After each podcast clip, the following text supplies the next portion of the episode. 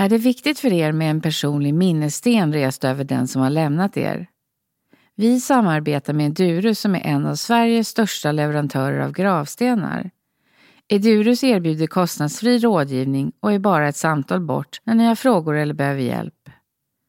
Ring 08-673 50 00 eller besök edurus.se.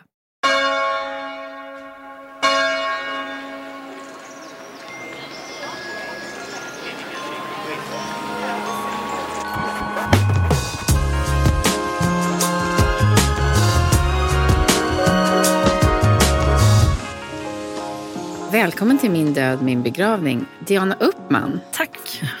Du jobbar ju med stadsplanering och du är bebyggelseantikvarie och har ganska nyligen studerat filosofi.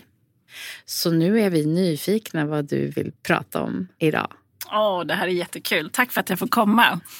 Vi började ju prata lite grann innan mm. och eh, jag tänkte så här att många avsnitt som jag lyssnar på så har ju du utforskat väldigt mycket var befinner sig döden i vårt samhälle?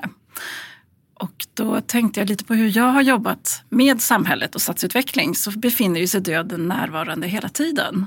Så egentligen så ser jag att döden finns ju nära oss var vi än går egentligen i våra liv. Och därmed så är ju döden det är som att vi håller döden i handen när vi går genom staden eller går igenom en landsbygd till exempel.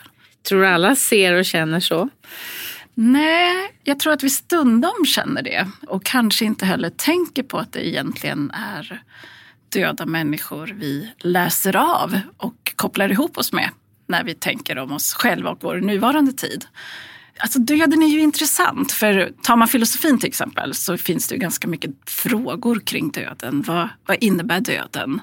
Och då måste man nästan svara på frågan, vad innebär det att leva? Vad betyder livet? Man kan också ställa sig frågan, eh, när är man död? Är man död när kroppen förmultnar? Är man död när hjärnan är död? Är man död när hjärtat slutar att slå? När befinner sig döden? Och jag tycker också filosofin eh, som kopplar lite vidare till stadsutveckling, att filosofin har nya frågor som är rätt intressanta. Och det är man kan också fråga om de döda har ett ansvar eller har haft ett ansvar över de liven vi lever idag. Och då kan man också ställa sig en fråga, har vi ansvar över de kommande generationerna när vi är döda? Eller i det livet vi lever i idag. Så att det här blir ju ganska så svåra frågor. Och jag tänker, när man då tänker på så här, eh, har de döda ett ansvar för våra nuvarande liv? Då skulle jag säga ja, de har på något vis haft ett ansvar i allt vi, liksom, om vi bara går till en stad, alla gator som finns i en stad, alla byggnader i stort sett som finns i en stad, de är ju byggda av döda människor. Det är ju mm. deras arbete som de har lämnat efter sig. Det är deras värderingar de har lämnat efter sig. De har styrt in oss till exempel mot en industriell tid där vi lever. Och på så vis så är vi ju liksom i ett ständig närvaro av döda människors värderingar och kunskap som de har byggt åt oss. Den ena sidan av döden är ju att den är alltid närvarande i staden vi bor i. Och det, tänker vi döden så, så kan vi också bli väldigt nyfikna på att läsa av döda människor många gånger. Just att när vi läser av döda människor, inte bara idéer som de skapade, så gör det att vi kommer mycket närmare människorna.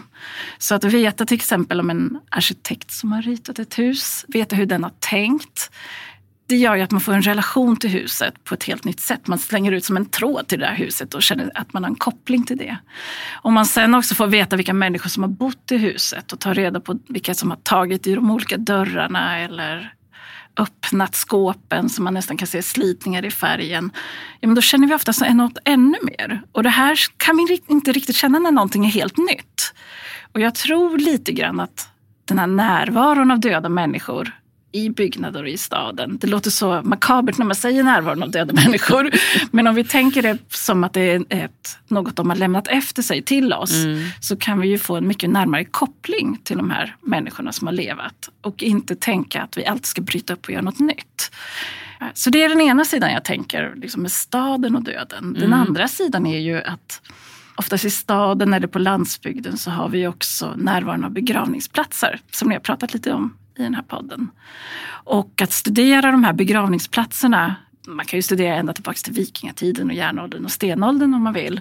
Men man kan också studera begravningsplatser från medeltiden fram till modern tid och kanske också fundera över framtida begravningsplatser. Men att studera begravningsplatser gör ju också att vi läser in en historia mm. som berättas om ett samhälle. Jag tänker på, ska vi tänka på medeltida begravningsplatser till exempel. Då har ju kyrkan kommit in i vårt samhälle. Då hade vi oftast en katolsk eller ortodox tro. Och då var det väldigt viktigt var man begravdes. Så helt plötsligt, så, utöver en religion, så hade man också en status där man ska begravas enligt ett viss riktning eller till och med i kyrkolokalen. Och jag, ibland går jag och tänker på det här när man har begravts i en kyrkolokal. När man går in i en kyrka och läser av de här stenarna med en inskription av ett namn och så kan det stå eh, biskops namn och så är det, står det 1689. Då svindlar det ju lite först. Sen brukar jag tänka mig in i den tiden. Tänk när den personen begravdes 1689 och det skulle vara mitt i sommaren och så har vi gudstjänster. Vad skulle du uppleva då?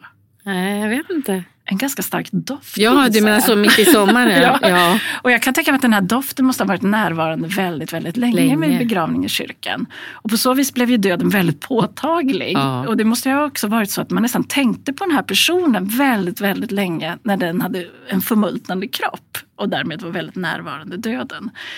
Så där har vi ju liksom statuspersonerna som fick vara närvarande mm. länge. Sen har vi ju personerna som kanske var fattigare. Då fick man placera sig i norra delen av en kyrkogård. För att när Jesus skulle komma tillbaka då skulle kyrkan falla mot norr. Så de hade lite svårare att komma upp då eh, mm. ur sina gravar. På och utan namn kanske eller identifikation? Ofta utan namn. Många människor kunde ju inte läsa så det var ju kors. Eh, det jag är lite nyfiken på som jag inte vet det är om man hade något liksom någon, någonting som signalerade ändå vilket kors som var vilket. Ja. Någon liten ristning eller någon liten sten eller vad det nu mm. vara. Ingen aning. Eller om det inte var så starkt att man gick till de här gravarna, för det var ju många i den fattiga delen. I den östra delen där var det ju mer status att vara begravd, men inte lika hög status som att vara inne i kyrkan. Och sen förändras det ju det här med tiden. Så att helt plötsligt så här, då, då har vi medeltiden och man är väldigt styrd av religionen. Sen när vi kommer in på 1800-talet då helt plötsligt så anammar vi stadens ideal in i kyrkogårdarna. Så då helt plötsligt blir det rutnäsmönster.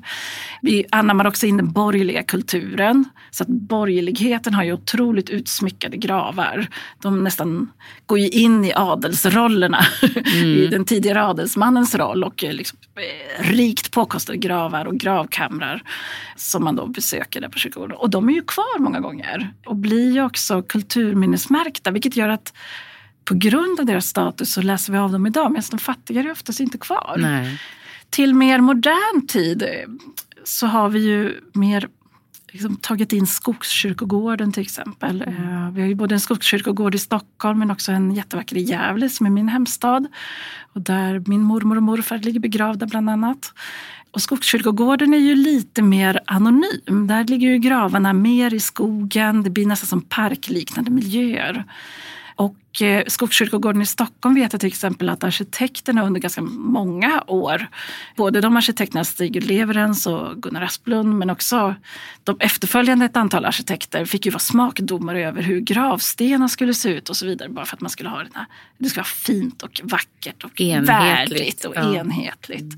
Vilket på något vis tog ju bort individen ja. rätt starkt. Och individen, men det var ju också det man ville för man tog ju spjärn mot det ganska vulgära 1800-talet mm. där man skulle synas och höras mycket. Så det är ju ganska roligt, och liksom så här, roligt ska jag säga, det, det, är ju, det är döda människor som ska respekteras i det här också. Mm. Men eh, det är också spännande att få berättelser från döda människor genom att läsa av. Mm. Allt från deras grav. Vem har inte gått på en kyrkogård och funderat, vem är Anna Olsson? Men det är ju så spännande och ofta så kanske man inte vet så mycket utan man bara tittar och läser av någonting. Det kanske också är äldre namn som man inte mm. används lika mycket nu. Och årtalet säger ju en del men alla är ju inte utbildade inom det här utan det kan ju vara att man ändå får en tag i någon känsla av dåtid. Oavsett om man är utbildad eller inte och går in i en kyrkogård så tror jag man ändå läser av namnet som du säger. Det, det, alltså namnet sätter ju den som någon slags identitet omedvetet. Mm. Det, det, skapar en person. Finns det inget namn där då blir det inte heller en person. Och sen de här tidigare borgerliga gravarna då hade vi också eh, titlar, i alla fall hos männen så fanns det väldigt eh, Mm. Tydliga titlar. Så på det viset så fick man ju ett lager till som kunde avläsas. Och ibland så finns det även dikter som också kan på något vis spegla den här personen. Om den har valt dikten själv eller om det är släktingar som har valt dikten. Och ibland så är det också hela familjegravar och då, då läser man ju en annan berättelse eh, som man kan bli nyfiken på. Men gravplats är ju en sak i staden att försöka söka historia. Jag tycker det är spännande just nu med staden. Det är ju att liksom söka i historien av de som har funnits i staden och koppla ihop oss. Och jag tänkte då på det som du har pratat ganska mycket om och som det verkar hela tiden så här, varför pratar vi inte om döden? Det frågar jag. Ja, du frågar den frågan ofta. Och då tänker jag att vi pratar nog inte om döden på det sättet som jag försöker framställa här, men vi borde göra det. Vi borde på något vis koppla ihop oss med människor som har funnits. Mm. För att dels förstå att våra liv är ändliga, och det vet vi ändå, men kanske mer förstå att vi är en del just nu, precis som de människor som är historiskt har varit en del i sin historia. Och att alla på något vis är berättare av en historia tidigare. Och börjar vi respektera det när vi går i en stad, att vi respekterar gator, söker nyfiket var namnen kommer ifrån eller respekterar vilka som har så här, nyfiket fråga vilka har varit i det här huset, Eh, vilka har bott här, vad har de gjort, vad har de tänkt, går det att hitta vare sig artefakter eller skrivet material kring det. Kopplar vi ihop oss där, då tror jag inte vi blir lika oroliga att vi måste göra något signum och varumärke av oss själva hela tiden som sen bara försvinner. För att vi har ju, vi har ju raderat de tidigare döda. Mm. Så det gör ju att vi blir ganska osäkra tror jag inför vår egen död.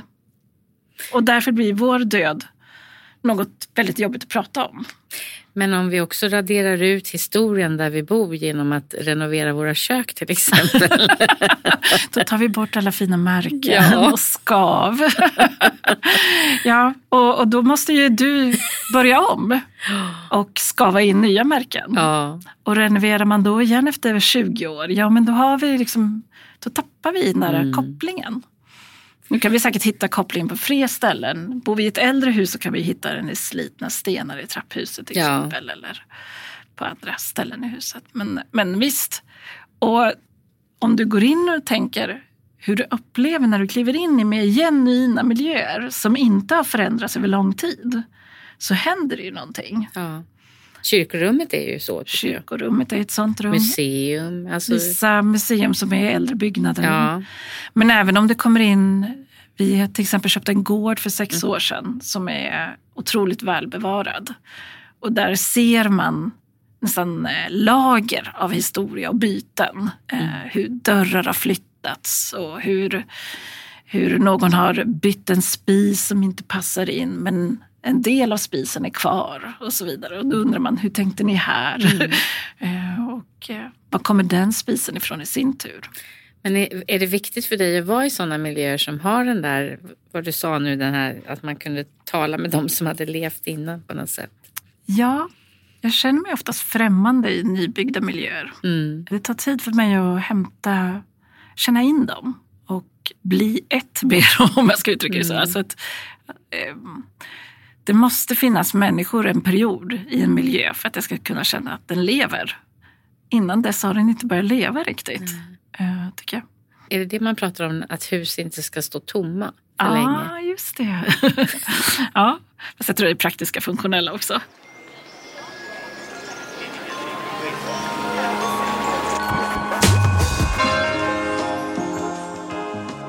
Vi samarbetar med Interflora som har ett helt nytt sortiment med blommor för den vackra och personliga begravningen. Kransar, buketter och dekorationer har designats med tanke på säsong, hållbarhet och miljö. Du kan välja helt plastfria och biologiskt nedbrytbara alternativ. Och Interfloras kunniga florister står för det fina hantverket. Du hittar säsongens blomstrande begravningssortiment online på interflora.se. Om du har personliga önskemål kan du vända dig till Interfloras anslutna butiker som finns runt om i landet. Så att just det farväl ni planerar för blir precis så vackert som ni önskar. Men tillbaka till det här med begravningsplatsen. Men jag tänker vi har ju också någonting som är ganska så nytt. är ju minneslunden. Mm. Och där har du ju ingen identifikation varken på år eller namn Nej. eller så. Och det är ju jätteintressant.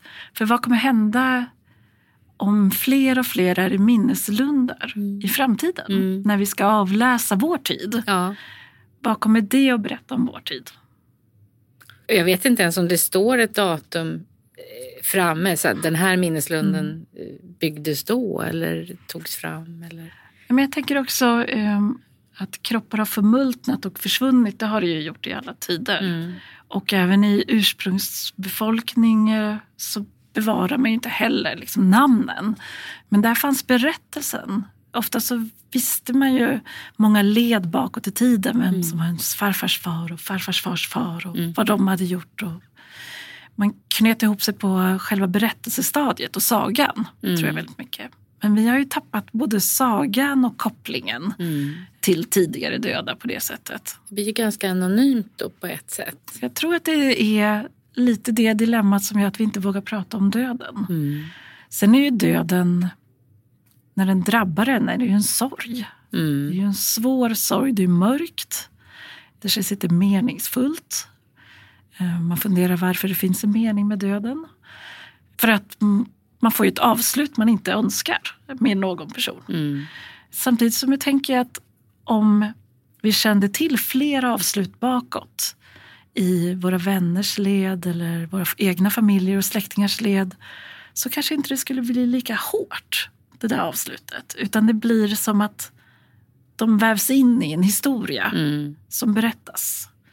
Så att om jag fick önska mig så tror jag att vi ska prata mer om döden och framförallt bygga historier bakåt Mm. som också kommer hjälpa historier framåt. För när man är mitt i livet så tror man ju att man alltid har sina föräldrar att fråga till exempel vem de är och sen helt plötsligt är de borta.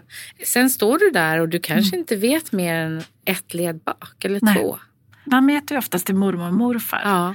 Men eh, går jag till mig själv så vet jag bara namnen på mormor och morfar och farmor och farfars föräldrar. Ja. Jag har sett dem på bild. Mm. Och eh, den bilden är ju så främmande. Om jag tänker på mormor och morfar. Det, det sitter ju människor i nästan 1800-talskläder Ja. på de bilderna. Och det Eh, finns de bara en känner- bild typ Ja. också. Bröllopsbilden Ja. oftast.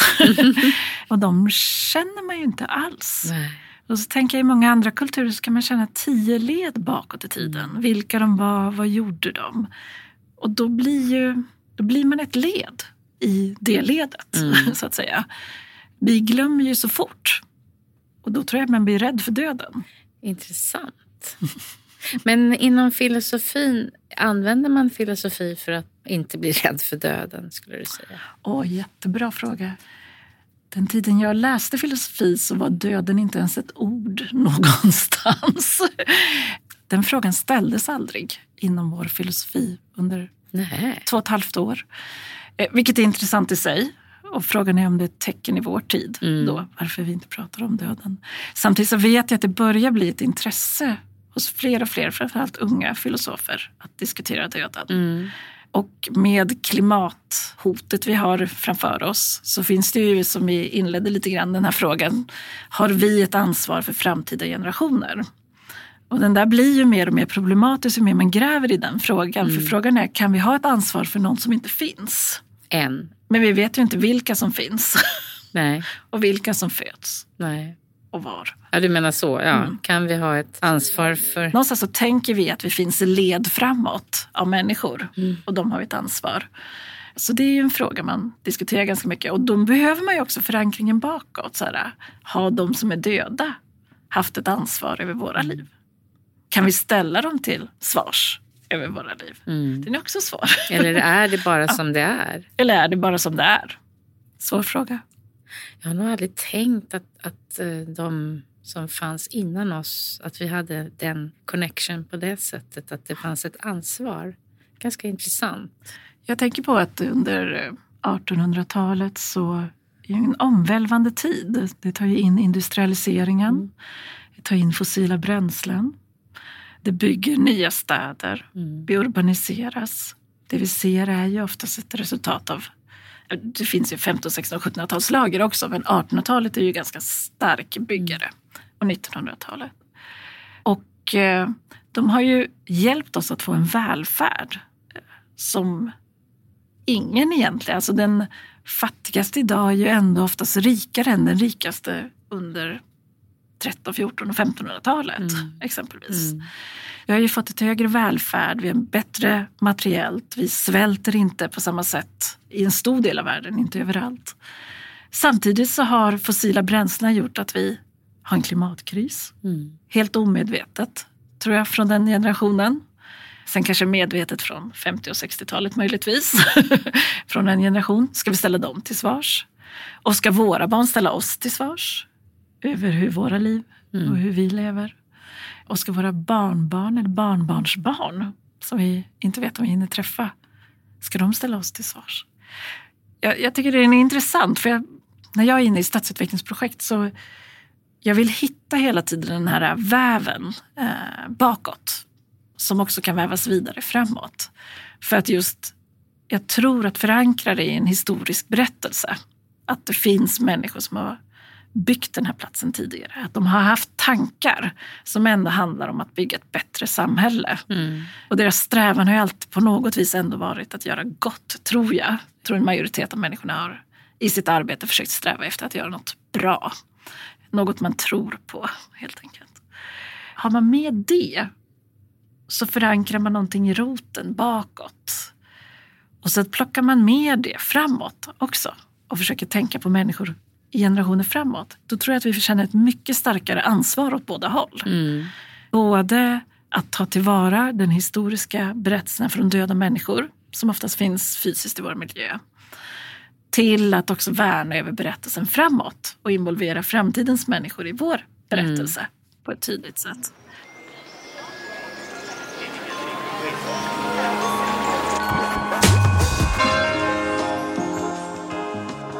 Men hur gör ni om det är en ny plats? Ja, en helt ny plats. Alltså en ny plats behöver ju leva ett tag. Tar vi i Stockholm, Hammarby sjöstad till exempel, mm. så tycker jag det börjar bli en plats som levs nu. Men under en lång tid så kändes den främmande, tycker jag, att promenera där. Träden har inte vuxit upp, det är ganska hårt, det är tomma lokaler. Människan har inte liksom byggt sig där Nej. riktigt än. Hårda material, oftast har du kranar och inte en mänsklig hand som bygger mm. i materialen. Om vi tar att det är en ny plats med en byggnad där vi kan se människors hantverk exempelvis. Den mänskliga handen har funnits där och värnat om detaljer. Då tror jag att vi kommer närmare, för då har redan människorna börjat göra någonting med den miljön. Men när det är rationalitet och kranar och, och industriell produktion mm. och där den mänskliga handen är några steg bort från maskinen, mm. så att säga. Då tror jag inte når på samma sätt. Då måste människorna få vara i den miljön en period mm. innan vi kan läsa av den. Så jag tycker på det sättet vi bygger många nya platser så blir de rätt själlösa under en period. Men vi kan absolut fylla dem ja. med liv och historiska bindningar och mm. på sikt också en mm. berättelse. Jag tänker på byggnader har ju ofta ornament, om vi säger som början på 1900-talet och bakåt.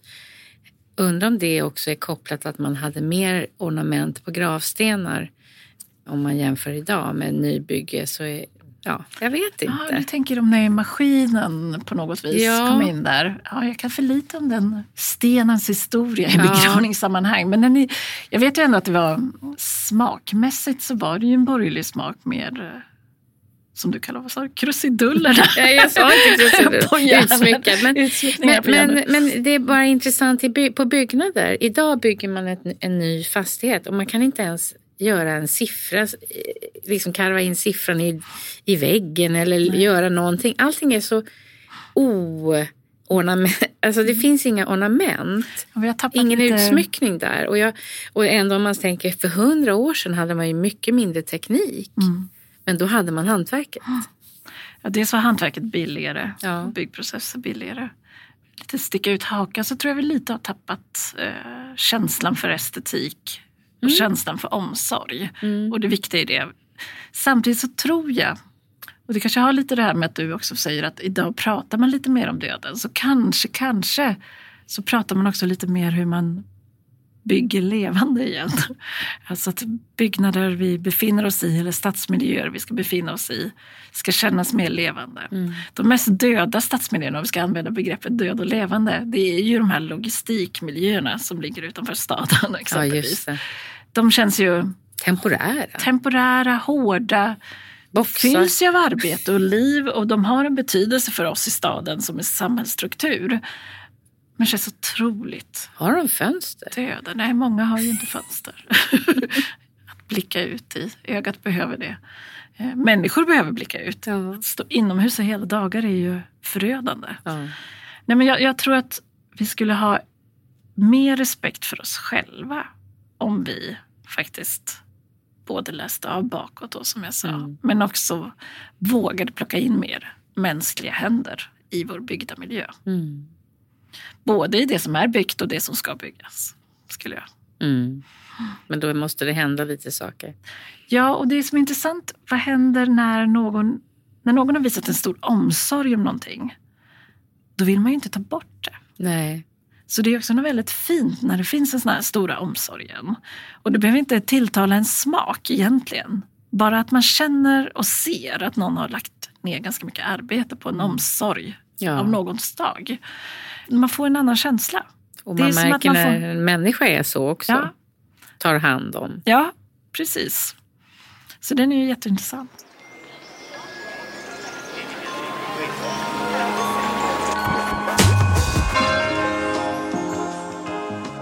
Vad gör en bebyggelseantikvarie? Det är en utbildning. Det man får lära sig på den utbildningen är egentligen att läsa av olika byggnaders epoker eller platsers epoker. Och det gör man med ett väldigt eh, brett sätt. Så det man läser är människans historia, etnologi, antropologi, man läser sociologi, hur sociala strukturer har sett ut. Man läser religionshistoria, man läser byggnadsteknikhistoria, man läser politisk historia och man läser också arkitekturhistoria då såklart och konsthistoria. Och genom att ha alla de här olika perspektiven på en tid så kan man också läsa över, alltså försöka få en helhetsbild mm. på den här tiden.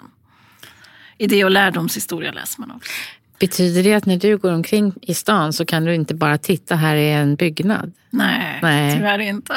Så är det ju som designer, man kan liksom aldrig slappna av. Nej. Nej. Och jag tänkte på det innan jag kom hit, för jag, på något vis så tilltalas jag, kanske inte så mycket av teorin alltid, det finns oftast berättelser kring byggnad, utan jag tilltalas av vad människor har gjort där. Mm. Vad, vilka har jobbat här? Vilka verksamheter har varit här? Hur levde familjer om det var en bostad till exempel? Är det postkontor så är jag nyfiken på hur jobbar de där? Vilka jobbar där? Vilka åldrar var de i? Och alla de här berättelserna gör att man kan hitta saker på plats. Man kan hitta helt plötsligt så att på vissa delar av golvet så är det mer skrap. Då kan man fundera om det är sorteringen som ligger där. På andra delar av kan det vara ett handtag. Eller att arkitekten har tänkt något innovativt med något hissystem som är nytt hur det såg ut. Alltså det är otroligt spännande att gå in mm. i en byggnad och försöka läsa av det på det sättet. Så när jag läser av miljöer så är det alltid människan först och då hamnar man lätt i att det är ju många gånger de döda människornas berättelser mm. jag försöker läsa av först. Sen är jag också framtidsspanare, eller måste säga, tittar på trender framåt. Mm. Och de tar ju oftast grepp ur historien för att blicka framåt. På så sätt så vet man oftast att trender går ganska långsamt, mer långsamt än vi tror. Och det är därför också vi får ett större ansvar mellan generationer, vilket jag tycker är intressant. Det som vi tänker fram idag och börjar bygga, det kommer ju andra generationer få ta vid. Mm. De har inte bestämt det. De skolas ju till och med in i det. De kan inte ens protestera förrän längre fram. Nej. Så vi, egentligen har vi ett otroligt ansvar. Och precis så var det ju med människor i början av 1900-talet som var ju en otrolig tid egentligen. Med, förutom att vi startade två världskrig i början av 1900-talet så är det också en tid med blomstrande kultur, blomstrande musik, mycket nyskapande arkitektur. Och vi har ju modernismen och funktionalismen mm. kom ju därifrån. Men jag skulle våga säga ända fram till 40-50-talet så var det fortfarande den mänskliga handeln och hantverket mm. som stod i centrum så fort vi gjorde någonting. Mm. Sen har det sakta rationaliserats bort. Så människan har ju sakta rationaliserats bort. Och det är frågan om vi, nu är vi jättedystopisk här, men om vi rationaliserar bort människan med den digitala tekniken mm. framåt. Så jag skulle nästan våga säga att vi ska ha ett upprop att verkligen förankra oss med de döda mycket mer än vad vi gör. Och koppla ihop oss i flera led bakåt. Ta tag i våra släkter och fundera mm. över vilka är det som har levt? Hur levde de sina liv? Ta släktforskningen mm. och se vad man kan få fram. Hur kan man då läsa av de här nya byggnaderna där inte handeln har varit nära? Mm. Det ska ju bli intressant. Ja, man kan nog inte göra det på så sätt vi gör med byggnader oftast före 50-talet. Men vi kan ju läsa av människornas verksamheter. Ja, just det. Och människorna förändrar ju också byggnaderna. Så att byggnader blir ju flera historiska lager. Och ibland mm. så kan man ju förändra så hårt så att man inte hittar de där första historiska lagren. Mm. Men många gånger som eh, jag tror att vi kommer göra mer framåt så kommer vi förändra mer långsamt. Mm. Vilket kanske gör att vi kommer läsa av historiska lager mycket bättre och kunna förankra mycket bättre bakåt och framåt. Undrar hur man kommer att titta tillbaka på att de som satt på kontor satt på kontor. Ja. Och sen helt plötsligt i och med pandemin så förändrades det. Det är också jättespännande tycker jag, återbruk då utifrån det jag pratar om. om man återbrukar material mm. så tar vi ju det från en plats och en tanke och sätter in det i en annan värdering och tanke och ett nytt sammanhang. Mm. Det ska bli spännande att följa och så gjorde man ju också i de gamla gårdarna. Så att i den gården vi har, då har ju vi dörrar från andra gårdar. Det syns ja. ju att det har ju varit finare Lappar. dörrar i, till kanske en finare gård som inte de skulle ha råd med här. Men som de har fått sen när de kasserar sina dörrar för att byta till ännu finare dörrar på den fina gården då till ja. exempel. Och det tror jag vi kommer göra mer av framåt. Så det kommer ju också bli spännande det blir zigzag eller vad ska man säga? Collage? Zigzag, ett collage ja. ja. Jag tycker det verkar vara ett mycket mer levande liv än att vi inte har det. Det rationella, strikta, raka. Mm. Jag tror att den är på väg mot sin död och begravning.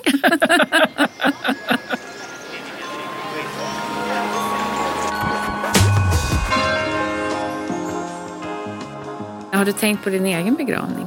Nej. Eller jag har tänkt på den till och från genom åren. Mm. Och jag har nog alltid tänkt det som aska någonstans. Aska någonstans. Det är nog för att mest bara gå tillbaks till jorden. Mm. På ett naturligt och snabbare sätt. Mm. Sen eh, i framtiden så tror jag att vi behöver bli aska, alla människor. För att vi ska få plats i jorden också. Mm. Eh, med tanke på hur många vi är och blir just mm. nu. Jag tänker också på att jag älskar att gå på kyrkogårdar just för att det är så mycket minnen. Men det är väldigt sällan jag ändå besöker släktingar på kyrkogårdar. Mm. Vilket är synd. Jag tror en sån här, ju närmare man själv kommer en äldre ålder, om man får uppnå det, så tror jag också att man har en mer längtan efter att ta reda på var släktingarna befinner sig. Mm. Var finns de begravda? Finns de fortfarande begravda? Eller har de flyttats på? Det är intressant. Mm. Men jag vet inte. Troligtvis aska. Ja, men det finns ju gott om tid att fundera. Mm. men stort tack Diana Uppman för att du kom till Min död, min begravning. Så spännande. Tack för att jag fick komma. Följ oss på Instagram, min dod min begravning podcast. Om du undrar någonting eller vill veta mer så hör av dig på info at mindodminbegravning.se